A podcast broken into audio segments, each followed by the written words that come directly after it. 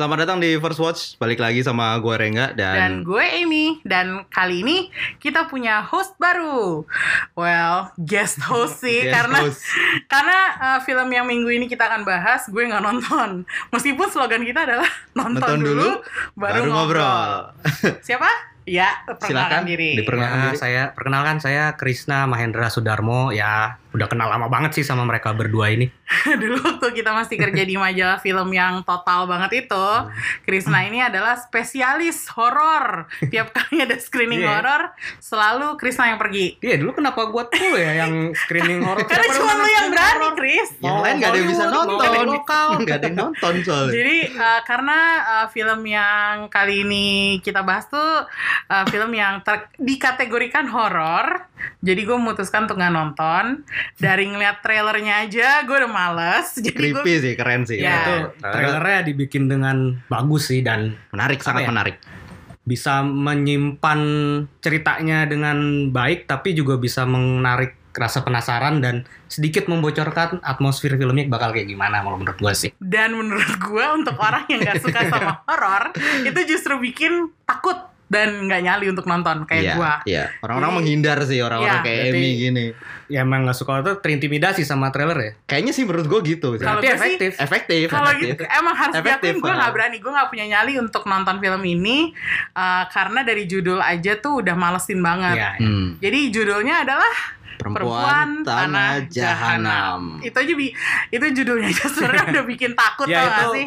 emang ya awalnya kan ini kan sebenarnya kata konon kan katanya proyek ini sebenarnya udah lama banget kan disiapin Joko Anwar kan katanya sih Hmm. udah dari 10 tahun lalu dan ya kita dulu taunya kan judulnya Impetigor kan Udah ada posternya dulu, gue Iya, ingat udah banget. Yang bikin posternya, si Mayumi Haryoto, gue inget banget. Gue itu nungguin banget, tapi Hmm. kok gak keluar-keluar filmnya nah, gitu. ternyata Terus ternyata diganti judul. Nah, Ganti itu menurut judul. gua keputusan jenius sih, keputusan untuk mengubah judul dari Impetigor ke Perempuan Tanah Jahanam karena kayak Perempuan Tanah Jahanam kayak buat sebagai apa ya, sebuah judul film yang apa ya, menjual keseraman gitu kayak jenius sih kayak apa ya? Lebih provokatif, Provokatif, juga. Iya, ya. nah, itu kita juga nggak pernah membayangkan kayak ada tiga kata itu dijadiin satu Hmm. gitu. Perempuan, tanah, dan jahanam Dan gitu. Kayak. pastinya mengundang gitu. rasa penasaran sih kayak apa ini jahanam gitu kan. Iya, iya, iya. iya. Kayak belum banyak kayak dipakai untuk apa? judul. Impetigor. Iya. Yang orang tuh. juga nggak tahu itu artinya Ya, apa. ya, Kalau- pasti sebagian besar nggak akan apa ini judulnya kan nggak Iya. tahu juga artinya. Jadi untuk perempuan tanah jahanam berhubung genrenya ada, iya nggak sih? Dibilang genre horor, iya nggak sih? Eh, Bener nggak sih kalau menurut kalian kalau gimana sih? Gua sih ngerasain ini lebih sebagai sebuah thriller ya karena yang gua rasain itu lebih kayak atmosfernya dan suasananya yang tegang dibanding horornya yang apa ya kayak emang ada elemen mistis dan hantu tapi kayak bukan di situ bukan bukan itu yang dijadikan sebagai sesuatu yang untuk meneror penonton tuh bukan itu elemen utama ya kalau menurut gua. Iya, eh, sedikit banyak setuju sih.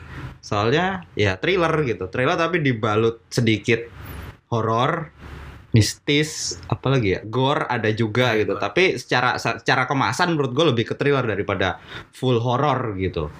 Oke, Dan mistisnya mistis Jawa. Mistis Jawa yang itu lagi. serem gitu, Itu beneran serem gitu. Karena kita tinggal di Pulau Jawa, jadi gue makin gak berani Iya, lagi kayak nonton film ini gitu. Itu punya karisma tersendiri sih Iya. cerita-cerita mistis Jawa. Apalagi ada dala, ada Ya, wayang. ada elemen-elemen kayak gitu kan. Ya. Hmm, sebenarnya tapi ceritanya sendiri tuh apa sih intinya? Kayak dari judulnya aja kan perempuan tanah jahanam. Itu kayak tiga kata yang tadi lo bilang sendiri. Itu kayak kita nggak akan nyangka tiga kata itu di- ditaruh di satu frase sama Iya, gitu. Terus jadinya kenapa ada apa ini dengan si perempuan? Apakah ini seorang perempuan dari tanah yang Hmm. tidak bertuhan atau bagaimana Nah, gitu? Mungkin perempuan ya karena karakter utamanya perempuan. Oke. Itu si siapa Dini yang diperanin sama Kok Didi sih? Maya, Maya. Maya slash Rahayu yang diperankan oleh apa? Tara Basro. Tara Basro. Oke. Ah. Nah, tanah jahanamnya sendiri mungkin ini kayak menggambarkan kutukan dari yang terjadi di sebuah desa ya. Makanya tanah jahanam yang ya itu kayak tanah di apa ya? Kayak desa itu area itu menyimpan sebuah kutukan yang ya men- yang yang Nah, desa mengundang desa itu tempat kayaknya kampungnya si Rahayu ini. Oke. Rahayu slash Maya ini. Jadi ceritanya si Maya ini mencari orang tuanya yang nggak pernah dia kenal lah sampai akhirnya dia ke desa itu desa apa namanya tadi Harjosari. Harjosari ini nah di situ ternyata desanya dikutuk jadi semua bayi yang lahir di situ tuh lahir tanpa kulit Oh my god. itu premisnya aja udah nggak enak sebenarnya gitu itu cuman premis doang ya. Iya, Maksudnya ah. kayak abis ini bakalan ada spoiler-spoiler lagi. Jadi ya coba deh lo lanjut aja deh. Gue udah lemes dengerinnya. Asli gue lemes. Jadi menurut lo gimana? Gue sih secara ini lumayan suka beberapa beberapa aspek gue suka film ini tapi secara keseluruhan enggak gitu. Apa tuh yang enggak? Kalau Eh, gua sih suka, menurut gua ini salah satu apa ya film terbaiknya Joko Anwar sih kalau buat gua pribadi ya. Hmm. maksudnya ini di atas pengabdi setan yang jelas dan yang pasti di jauh di atas film sebelumnya sorry. Apa tuh?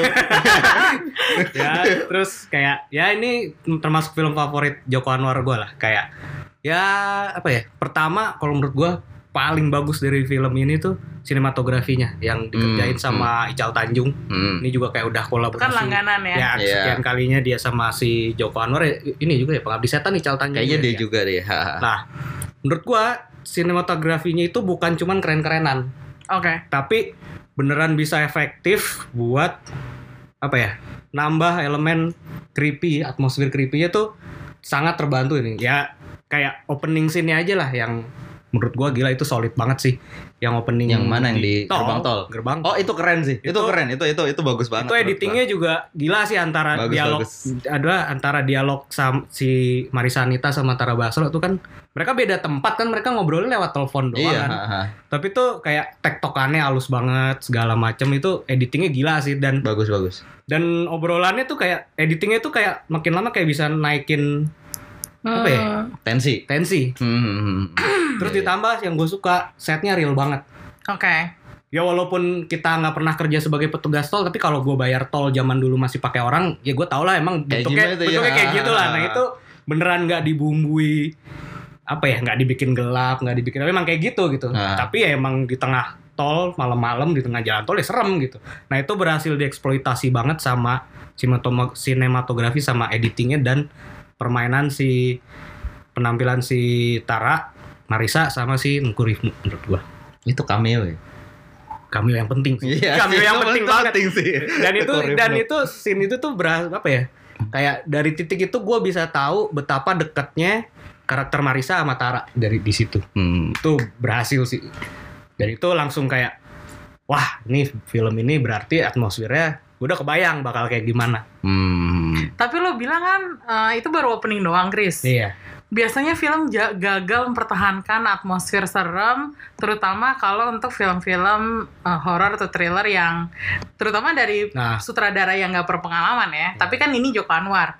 Di sini berarti dia berhasil kalau mempertahankan sampai buat akhir. gue berhasil Ber- berhasil sih karena beneran abis itu menurut gue scene paling serem dari film ini sendiri itu pas di pasar itu masih di awal sih ya yang Di pasar yang Oh, iya. itu Iya tuh serem. nah itu satu lagi menurut nggak gue personal tuh gue pribadi selalu suka film horor dengan set yang sealami mungkin karena itu yang bikin kita parno. Karena itu kayak kayak di film itu pasarnya itu kejadian di siang hari pasarnya beneran pasar maksudnya nggak Pasar ini. nggak dikasih apa ya, kayak nggak dikasih pasar tradisional. Iya nggak gitu dikasih kan. jerami lah Iya, apa biar iya. kesannya tua nggak ada Ah. asap-asap beneran pasar biasa aja dan bukan Iya. pasar becek jadi beneran lantai ubin Pasar tradisional tapi macam. yang tapi karena udah sepi Hah. sepi. dan si dan siang Siang, tapi siang, itu ah. gimana permainan kameranya pergerakannya segala macem tuh bisa nyorot lorong-lorong pasar yang itu gue kalau nemenin nyokap gue ke pasar Pondok Gede juga bentuk pasarnya kayak begitu Ketahuan deh rumahnya di mana. nah ya nah itu dia tapi itu beneran bisa bikin gue serem banget ngeliatnya tegang gitu kayak Hmm. anjir ada bakal ada apa nih di, di tiap lo dia udah gitu kan dia jalan ngelewatin lorong-lorong lorong gitu nah dia itu gua kayak selalu kayak anjir apaan yang bakal kelihatan di lorong selanjutnya di Ah. lorong selanjutnya gitu sih nah terus ke depannya pun menurut gua balik lagi tadi dia juga berhasil mempertahankan tensi itu karena nah begitu balik ke eh begitu pindah ke setting desa ya emang jadinya lebih gelap apa tapi menurut gua tetap real gitu karena Hmm. mungkin kayak rumah Jawa nah rumah Jawa itu apa ya emang punya karisma tersendiri sih menurut gua jadi kayak emang nggak usah di tambah-tambahin bumbu asap-asap apa itu udah Serem. kelihatan serem gitu. Tapi itu kan dari dari dari Set. setting dari setnya emang setnya bagus banget sih. Mm. Tapi dari ceritanya gimana? Cerita sih men- menarik sih. Gue suka sih cerita dengan kutukan-kutukan gitu ya kayak itu kayak apa ya? Kutukan itu kan biasanya dimulai oleh dosa seseorang gitu ya. Itu Hmm. kayak sebenarnya kan lebih menyorot sisi gelap manusia gitu. Gue Hmm. memang emang mungkin karena ke- keseringan nonton horor, gue udah kebal sih sama horor hantu. Jadi gue lebih lebih emang lebih suka dengan background cerita kutukan orang melakukan dosa besar yang akhirnya Ah. berdampak ke itu. Nah menurut gue di sini lumayan berhasil mengangkat kisah seperti itu gitu. Hmm. Gimana? Apa ya, itu dimulai dengan apa ya, eh boleh spoiler kan? Boleh, Hmm. boleh. Menurut gue apa ya, kayak ngulitin anak kecil untuk dijadiin wayang kulit tuh ah. Gila sih itu dan ya. dan iya itu kayak wah Ide, idenya idenya Idenya idenya sakit sih. sih itu menurut gua. walaupun Ah, ah. mungkin ide tentang wayang kulit itu mah udah wayang kulit dari kulit orang tuh udah udah apa ya Udah. udah urban legend kali ya Iya sih sebenarnya itu bukan bukan ide yang fresh gitu, Hmm. tapi untuk diangkat ke film dan divisualisasikan itu sakit juga sih itu menurut gua. Nah, lo ini. sendiri sebagai orang Jawa, bagaimana Reng? Namanya Rengga aduh, aduh. ya buset ya gila. mungkin lu lebih punya kedekatan Ah. secara budaya gimana ya? Gue setuju sama Krisna itu kayak satu sinematografinya kawat sih itu keren. Satu setnya juga wah itu pertama kali yang gua nonton film ini tuh langsung gue langsung mikir gila setnya bagus banget gitu. Tuh untuk untuk untuk ukuran Indonesia menurut gue ini salah satu film dengan set yang paling bagus gitu. Real banget setnya gitu kan. Kom- untuk horor tuh penting. Itu itu horor penting banget gitu. Dari dari rumahnya yang terbengkalai gitu kayak gila nih beneran gue bisa ngerasa nih rumah beneran emang udah dari dulu nggak pernah ditinggalin gitu. Tidak seperti maaf nih film-film horor yang lain gitu kan. Yang yang laba-labanya apa sarang laba-labanya buatan kelihatan gitu kan. Ini beneran beneran kelihatan. Ini rumah emang udah nggak ada ninggalin berpuluh-puluh tahun gitu kelihatan banget. Terus pas adegan sama yang di adegan awal tuh yang di gerbang tol wah itu bagus banget. Setnya itu bisa jadi satu film pendek sendiri sendiri Oh, iya. menurut gua kan. Eh, kemudian apa sih masih ngomongin set sih. Kalau set sebenarnya ada sedikit minor sih menurut gua. Apaan? Ada apaan? Santai santai. Konflik mulai pecah. kan itu bagian bagian desa nih ya. Ya di desa itu pas pertama kali masuk eh masuk desa itu desanya kelihatan menurut gua itu kelihatan masih terlihat kelihatan set bukan desa beneran. Hmm. soalnya kenapa? Gue tahu di desa di Jawa itu bentuk rumahnya nggak seperti itu. Jadi yang Ini- ini- sama ini sedikit- ternyata ini- nggak real buat Rengga. ini ini ini minor banget sih menurut gua. Hmm. soalnya eh, bentuk rumahnya itu kalau di kalau di Jawa itu mereka nggak pakai kayu. Oh. pakainya gedek gedek itu anyaman bambu Oh. ada beberapa emang rumahnya bentuknya kayak, kayak rumahnya si siapa tuh yang nemenin si Rati itu bentuk Hmm. rumahnya kayak gitu tapi ketika mereka si siapa si Rahayu sama si Deni masuk kan itu kayak kelihatannya bentuk rumahnya nggak kayak gitu bentuknya kayu kayu kayu gitu terus gue langsung kayak gue kurang relate nih sama bagian ini nih tapi kan lu udah lama pindah ke Jakarta kan udah gak kayak gitu Gak sekarang gitu, masih sama. Tapi itu minor sih. Tapi overall sih. gue soal set untuk set desa sih gue awalnya kan kadang suka lumayan apa ya kalau ada sebuah cerita dengan setting desa terpencil tuh kadang gue dengan era modern gitu ya itu kadang suka skeptis duluan kayak ya emang ada Emang kayak ada, gitu, gitu, kayak apalagi gitu kan. di Jawa gitu kan. Uh, Tapi begitu kan kan di dilihat ditunjukin kan si karakter Marisa sama Tara kan masuk ke menuju desa itu kan naik andong kan. ya. Nah terus kan mereka sempat nanya kan kayak, Hmm. nih jalanan nggak dibikin nggak diaspalin apa Iya, ya? iya, iya. Nah terus begitu si andong yang ngejelas si supir andong yang ngejelasin kayak ini emang warganya yang nggak mau segala macam tuh begitu dialog itu muncul gue langsung oke deh kalau gitu gue masih bisa Kok percaya gitu Kalau- kan? kalau emang- believable nih Ah, gitu. Toh mereka lagi sibuk dengan urusan kutukan-kutukan Iya. juga kan jadi oh oke lah jadi kayak emang oh oke ada alasannya kenapa desa ini tetap terpencil tetap aksesnya susah banget terus apalagi ya kayak ya intinya gue jadi bisa lebih nerima aja kalau di, di Pulau Jawa gitu Iya, maksudnya ha, ha. bisa seterpencil itu kan sebenarnya gue awalnya agak hmm, gimana ininya tapi Iya. pas ada di, itu dijelasin begitu ya oke lah sama itu sih sebenarnya yang gue langsung mikir satu setnya bagus sinematografinya bagus kedua lagi yang ketiga itu location manajernya jago banget. Oh nyari, ya? nyari lokasi Nyari lokasinya bisa dapat gitu. Gue bingung lu bisa dapat rumah segede gini kosong. dibangun kali. Apa? Gue gak yakin itu dibangun deh. Itu beneran rumah kosong gue rasa deh. Terus lu bisa bisa deal-dealan sama yang punya rumah buat dijadiin set film, dibersihin. itu kayak wah gue langsung gak ngerti deh ini nyari nyari location manajernya jago banget sih. Top Ya, abis orang sih. Jawa berarti kali. Iya pasti. pakai wangsit, gue pakai dukun gue rasa nih nyarinya nih. Tunggu, tapi itu kan semua pujian ya. ya, Nggak mungkin sempurna lah. Iya. Pasti ada kekurangan-kekurangan. Rengga sudah menemukan satu kelemahan, yaitu bentuk rumahnya yang tidak mirip. Kalau lu apa, Chris? Eh, kalau gue mungkin ya di mungkin di bagian ya gue sangat menikmati keseraman ke creep apa ya ke atmosfer creepy di dua per tiga film lah. Cuman memang di sepertiga akhir menurut gue agak terlalu padat sih. Kayak semua informasi tentang apa ya itu di, di- dihajar di situ gitu loh. Jadi kadang sebenarnya gue pun rada keteteran untuk menangkap beberapa detail kayak emang Hmm. film ini kayak emang harus di- ditonton lebih dari sekali sih buat nangkap detail karena ya tiba-tiba kayak semua informasi yang jadi misteri jadi penggerak cerita ini gitu sebenarnya tiba-tiba ya dikeluarin semua di situ. Hmm, ya itu juga sedih apa apa ya kritik gue lah di film Hmm. ini. Padahal di dua per tiga film itu menurut gue pace-nya lumayan lambat gitu. Harusnya apa ya background story-nya tuh bisa dicicil dari awal gitu. Tapi ini enggak gitu. Kayak dua per tiga film tuh kayak mencoba membangun atmosfer sedikit demi sedikit, pace-nya lambat, apa apalah gitu-gitu. Tapi begitu sepertiga akhir tuh kayak dikebut gitu tiba-tiba background story-nya dihajar dalam sekitar berapa menit gitu di, di mana orang kayak hah apa nih? Gitu kayak tiba-tiba oh begini oh begini oh begini gitu kayak Iya. kayak overwhelm gitu lah tiba-tiba orang terus tiba-tiba tiba-tiba ditangkap tiba-tiba ini tiba-tiba ini tiba-tiba abis gitu. Kelar Oke. gitu. Itu jadi kayak kita terlalu banyak menerima, menerima informasi dalam waktu yang sempit gitu. Sementara tadi di awal film ngapain aja gitu. Dan apakah itu mengurangi kese- keseraman di bagian Kalau akhir? buat gua sih enggak, cuman mungkin informasinya lebih ke informasi tentang ceritanya yang gua sedikit keteteran buat mencernanya dan apa? Ya itu kayak jadinya gua mempertanya apa ya?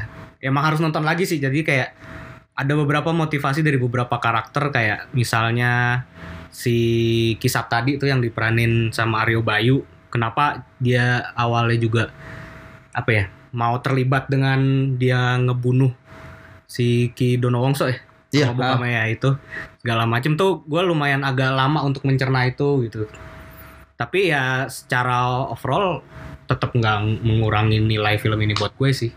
Oke. cuman cuman lebih ke penyerapan informasinya aja yang lebih butuh proses gitu. Nah, kalau buat gua sih itu satu. Dan menurut gua filmnya jadi nanggung ya. Seperti gua di awal film tadi trailer bukan. Eh trailer tapi horor ada misterinya ada Maksudnya thriller. Thriller sorry trailer maaf thriller tapi ada horornya ada misterinya ada ada ada apa tadi ada gore-nya juga tapi kayak ya di tengah-tengah jadi kan menurut kalau- nanggung Kalau buat gue sih itu nggak nggak nggak masalah soal banyak genrenya itu toh emang kayak film yang bagus harus bisa menangkap semua elemen kayak gitu gak Oke. sih? Nah menurut gue di sini ngeramunya sih masih masih pas gitu. Maksudnya ngebangun atmosfernya bagus. Ditambah eh, mungkin si musiknya tuh yang juga dikerjainnya kan sama orang-orang langganan ini juga kan si Iya. Baby Gusti, Agina Rotama sama si Tony Tony gue nggak tahu nama, lupa nama belakangnya tapi dia ex ex apa eh bukan ex masih personil Brandals. Itu juga. Iya. Apa skornya Kenapa? pas ending. Gue gak ngerti kenapa ada. Jadi jadi pas ending itu oh. gue sedikit mempertanyakan jadi endingnya Auto itu. Joy. Auto Joy gitu. Kalau kalau yang tahu film apa lagunya gitu yang na na na na na na na na nah itu yang lagu Beethoven. Jadi ada adegan ketika mereka udah kelar semua si Rahayunya tuh kabur dari desa itu. Pas itu pagi-pagi adegannya. Jadi si Rahayu lari kucuk kucuk kucuk backsoundnya lagunya itu gitu. Kalau gua gue sih- nggak mengerti gua kenapa. Kenapa kenapa? Lu bisa jelasin nggak kenapa? Kayak menggambarkan mengglorify kesenangan apa ya? Kelegaan dia bisa kabur dari desa itu. Tapi kan terus ditambahin bun itu kan pakai lon kayak lonceng kan dia Iya. pakai pakai di, di- dipakein lonceng. Itu jadinya tetap ada elemen creepy-nya juga menurut gua. Kalau menurut gua gua malah nggak tahu. Gua malah pas lagu itu dikeluarin kayak anjir Tapi itu Oke lagu sih. barat ya, bukan bukan lagu Iya. Hmm. kita gitu. Nah itu dia maksud gue itu kayak dari, dari di di sepanjang film itu nggak ada eh, lagu yang tone-nya tuh seperti itu gitu. Jadi kayak tiba-tiba jauh aja gitu dari dari lagu itu gitu. Dari awal kayak ada lagunya apa tuh yang ya Oh. laguin adanya yang lagunya yang Joko banget lah kan, gitu. itu kan yang itu kurang ajar juga sih itu promonya lagu itu kan yang viral sempet viral Iya. di Twitter. Terus Itu. ternyata buat lagu ini ya tahu tuh tapi pinter sih. Iya. Genius sih juga sih. Karena Dan- lagunya emang bagus juga sih. Skornya tuh masuk kayak skornya oke lah gitu Oh sepanjang itu film. lagunya lagunya The Spouse ternyata yang Oh, ngisi gitu. yang ngisi soundtracknya. Oh, ya itu eh, bisa lah. Apa? Pengabdi setan juga. Ya itu maksud gue itu kritik gue kayak terakhirnya tuh kayak nggak ya nggak nyambung gitu jatuhnya itu rada rada kesel sih Tapi bisa dibilang happy ending dong kalau berarti karakter utamanya berhasil kabur. happy ending untuk Hmm. karakter utamanya Enggak ada menurut gua nggak happy ending juga buat dia sahabat. oh iya deh bener ya sahabatnya Enggak, mati, digorok Oh, oke. Digorok nenek-nenek. iya Nggak basa-basi lagi. iya lama lu cerot Itu keren sih.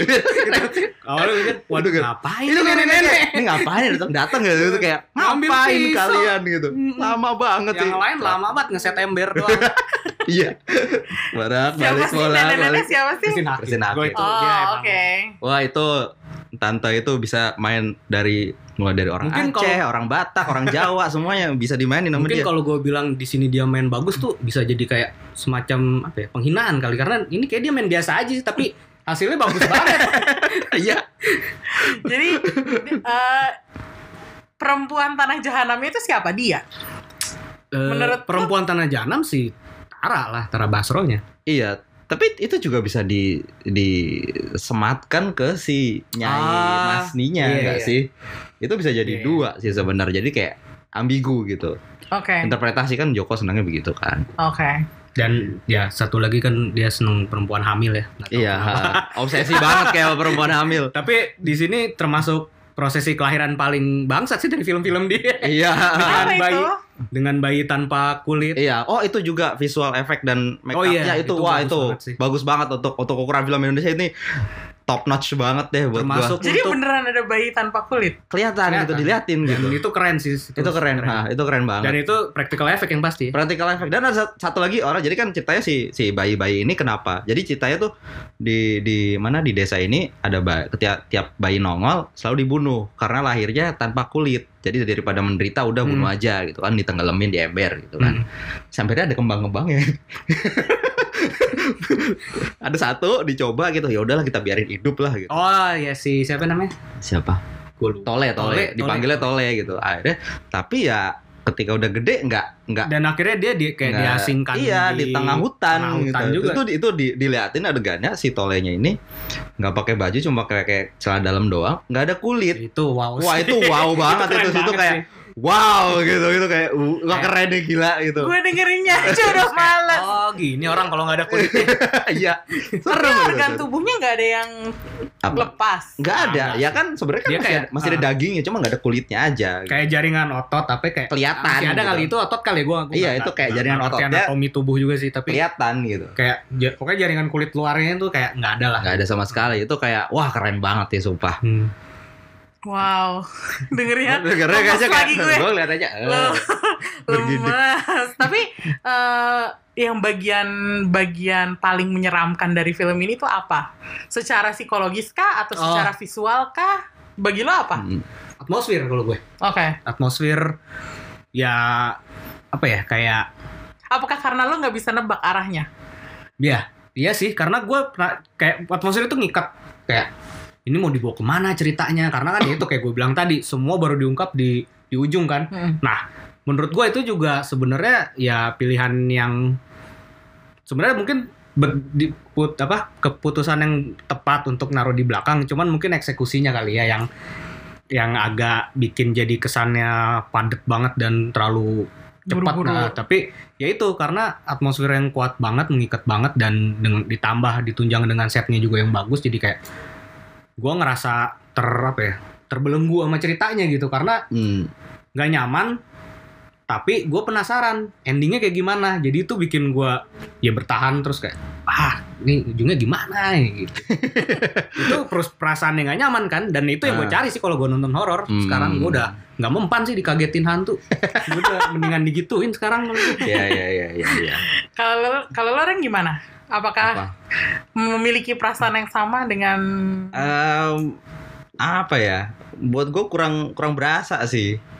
Itu itu gue bisa nakap sih, gue bisa nakap maksudnya Krisna. Cuma buat gue kurang ah gitu. Harusnya bisa lebih ah gitu loh. ah lu ngerti setan sih Iya gue lebih suka pengabdi setan oh iya jujur. kalau gue lebih suka Ya ini, beda perempuan beda tanah selera jantung. sih mungkin ya. Gitu. Tapi ada satu adegan yang sebenarnya gue visualnya itu yang gue tunggu-tunggu dari sepanjang film ini gitu. Nah, ya itu Justru yang paling terakhir gitu. Jadi pas adegan terakhir itu ada kita udah kelar nih semua. Oh udah setahun kemudian gitu kan. tapi ini Oh. bukan ACS ya? apa bukan bukan Bukan, ACS bukan. ACS bukan ACS. jadi kayak ada setahun kemudian gitu time lapse gitu tiba-tiba ada oh ini udah udah kayak oh atmosfer desanya tiba-tiba berubah lo ya perhatiin nggak? iya ya lebih Iya kan? karena kan ceritanya kayak kutukannya kan udah udah lepas jadi kayak Lepas. lebih Jadi, lebih ada akhirnya cahaya, lebih lively warna lah, gitu ya lebih, lebih ya, gitu. lebih ada lampu. Ah, ah, bener lebih hidup gitu kan ada adegan. ada motor lewat. Iya bener. tadinya gak ada sama sekali sepi banget. Ada lebih si normal lah. Bapak ada seorang bapak dan seorang ibu ibunya itu lagi hamil gitu. Hmm. wah itu lagi happy happy gitu. Si ibunya ke kamar mandi tiba-tiba terdengar teriakan gitu kan tadinya si ibunya cuma duduk duduk teriak si bapaknya datang tadinya ibunya perutnya gendut. Tiba-tiba perutnya kempes. Apa itu apa yang terjadi gitu kan kira wah gila ini serem Udah banget nggak enak, enak. anjir apaan nih gitu kan. Diliatin si ibunya ngangkang gitu bawahnya udah berdarah-darah gitu kan. Kayak ada ari-ari gitu ada ari-ari nongol terus apa berdarah-darah. Tiba-tiba diliatin di kaca ada Christine Hakim lagi makan bayi. Nyam nyam nyam nyam. Itu kayak ini? kalau gue sih nungguin adegan itu karena akhirnya Agnini Hak nongol. Gue Apa? kan gue tahu dia main di sini tapi di mana ini? Tapi baru baru jadi si ibu yang hamil itu. Cameo. cameo gak ya ya cameo. Ya jatuhnya kami sih. Oke. Terus itu adegan yang lo tunggu-tunggu kenapa, Reng? bukan gue tunggu-tunggu sih tapi kayak ekspektasi kali ekspektasi gua gitu. Ada adegan seperti itu. Dan itu kayak itu beneran gue merinding sih kayak anjir nih serem banget nih gitu. Dan itu adegan Adegan. terakhir banget. adegan terakhir banget habis Dan- itu selesai kan? iya dan sebenarnya itu juga udah nggak nyambung ke cerita juga sih. Iya tapi emang- kan itu kayak emang- udah ada foreshadowing sebenarnya kan? Dari gimana si Dini si Ratinya kan ngomong. Jadi ada adegan si Ratinya ngomong kayak ya daripada kita oh Nanti- ini kerati si Asmara Abigail. Ayah Semara Hmm. Cakep banget sih tuh. Iya si daripada apa menghilangkan kutukan yang lama ntar bakal ada kutukan yang Iya, baru iya. lagi kan Hmm. gitu dan ternyata, Ya, ternyata kejadian kutukan barunya gentayangannya si- ketayangannya si Ny- Nyai siapa Nyai Masni Masni, Masninya Masni. Heeh. Lah dia berarti dia sudah nggak ada sebenarnya. dia meninggal Tapi mati. terus bangkit sebagai kutukan Sebagai- baru. Iya ya entahlah itu cuma karena udah lah. udah nggak nyambung ke cerita juga kan tapi Iya. ya ya intinya tapi emang ad- peng- penggambaran adegan itu bikin jadinya yang tadinya mungkin udah lebih terasa film ini agak Happy ending. ceria Hah? Enggak, enggak happy ending. Gue sih lebih kayak lebih berwarna, lebih ceria ya. Kayak karena tadi set desa itu kan. Gua menak- happy ending buat desanya kan ceritanya Iya, iya buat desa udah ya. pergi udah hilang Makanya gitu kan. jadinya lebih berwarna segala Iya. macam. Ya tiba-tiba kembali ke titik awal lagi.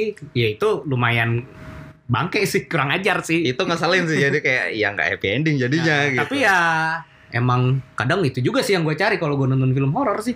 iya Ya di mana-mana orang mencari film horor kan untuk mencari ya sesuatu Iya. yang bisa kayak shocking gitu kan. Mengusik. Dan itu terjadinya terakhir banget ya berarti. Iya. kalau buat si Rengga, kalau buat gue enggak. Oh, buat, Kalau buat gue dari awal udah mengusik kan udah ya ya. Hmm. Dan berhasil mempertahankan sepanjang film ya. berhasil mungkin di titik apa ya di titik klimaks aja yang tadi gue bilang itu terlalu cepat jadi Mm. Sedikit apa ya. Tapi gue suka sih karena gue suka dengan ceritanya. Maksudnya yang diungkap itu gue suka karena misterinya ya emang ternyata emang sejahat itu. Ternyata emang kutukannya kutukannya bisa sehebat itu karena emang kejahatannya juga gila sih luar biasa gua, luar kejahatannya biasa gitu. ya ya itu menurut gua itu, itu aja sih. Maksudnya Jadi, di bagian itu aja. kesimpulannya Perempuan Tanah Jahanam jadi film Joko favorit lo. Nggak nomor satu banget sih ya cuma nomor Ya. satu banget nomor berapa? gue gue tetap lebih suka Apa? Kala gue lebih suka gue lebih suka masih lebih suka Kala sih tapi ya ini nomor dua lah mungkin Oke, lo Reng? apa? Nomor berapa?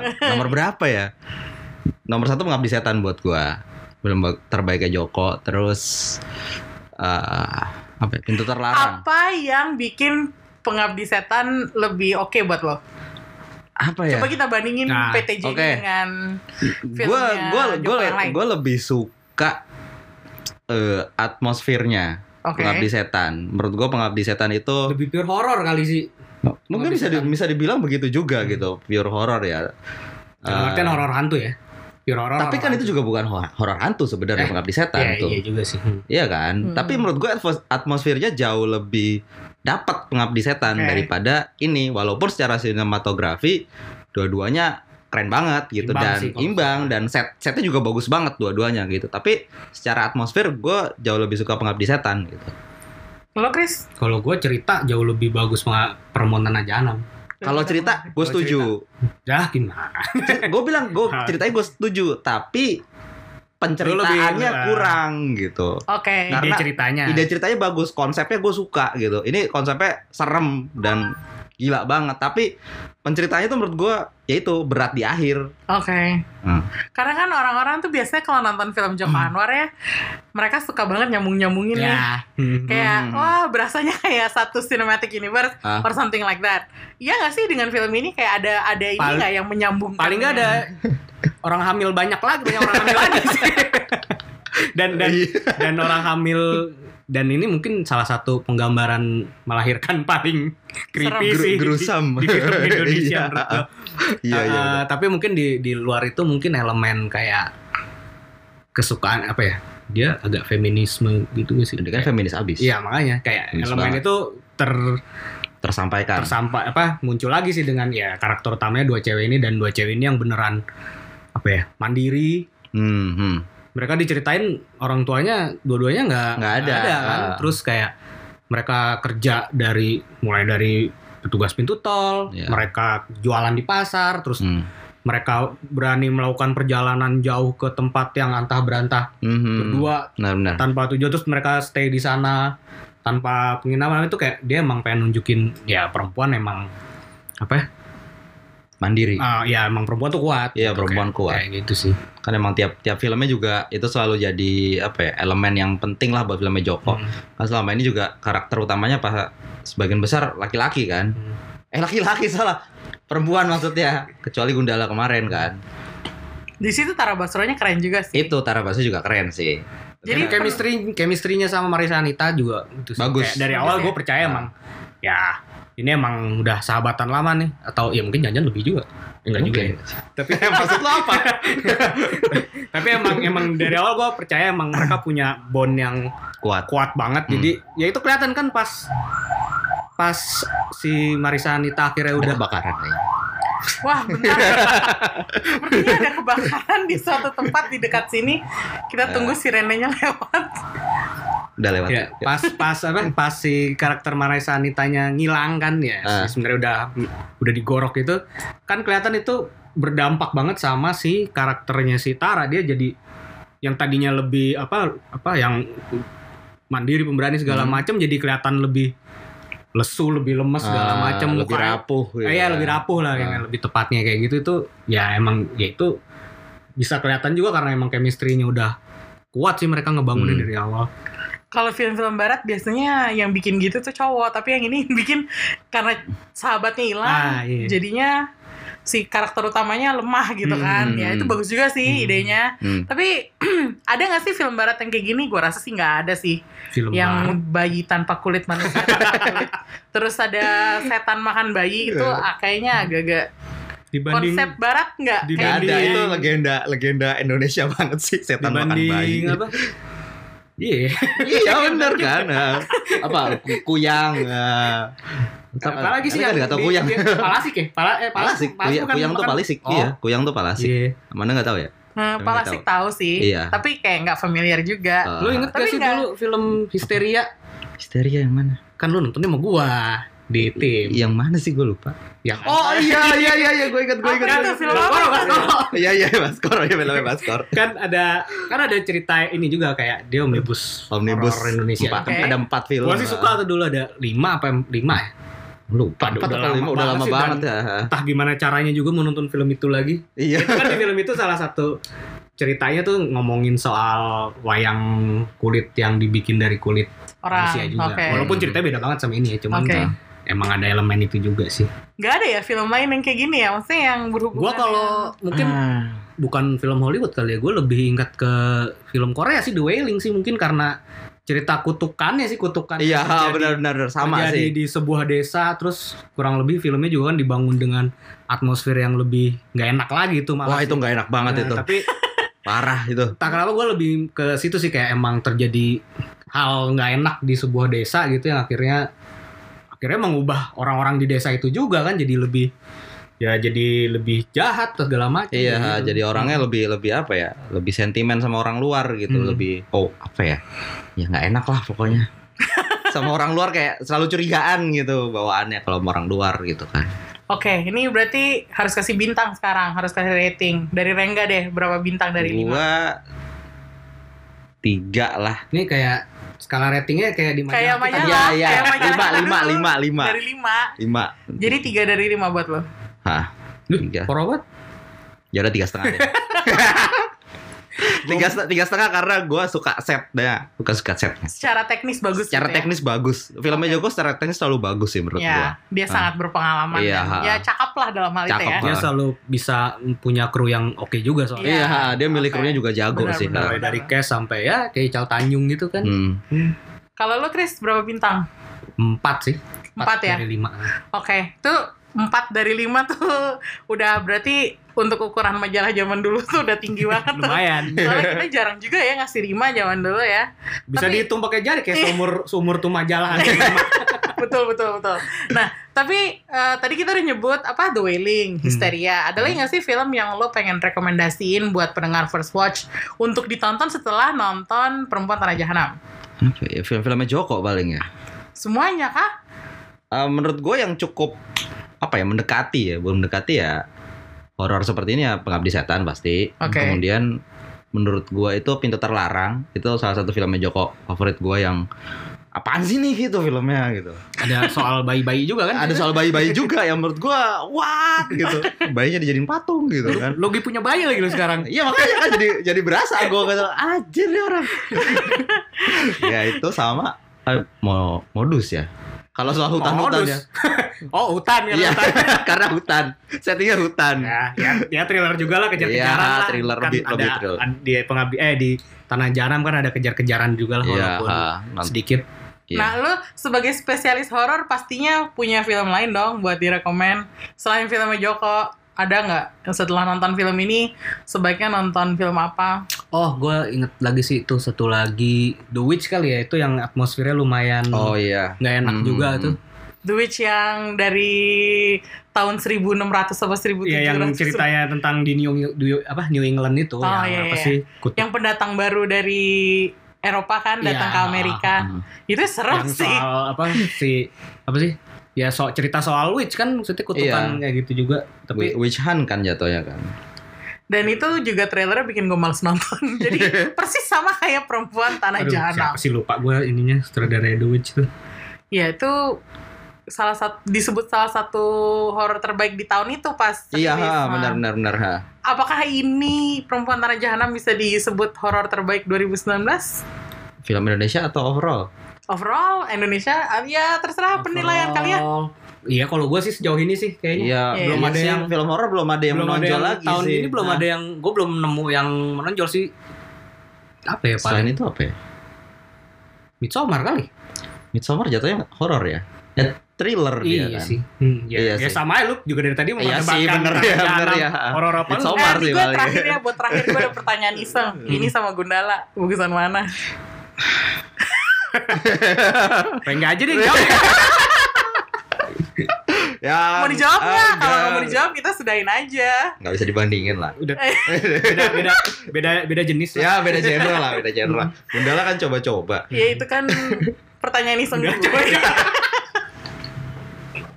ya udah. Oke, Reng. Oke. Thank you Krisna Thank udah datang. Untuk berikutnya kayaknya kita bisa jadi ngundang Krisna lagi. Jadi Boleh, jangan boleh. Mau bosen-bosen ya. Hmm. Kita masih akan ada banyak film lagi buat dibahas. Biasanya gue sering banyak beda pendapat sih sama si Rengga. Nah iya, kalau gue sama Rengga lumayan mirip-mirip kadang-kadang. Kalau sama Krisna tiba-tiba tension juga nih gue dari tadi ngeliatin mereka ngobrol. Oke, thank you udah dengerin. Di sini gue Amy. uh, goreng nggak? Gua Krisna. Sampai jumpa berikutnya. Dadah. Bye-bye.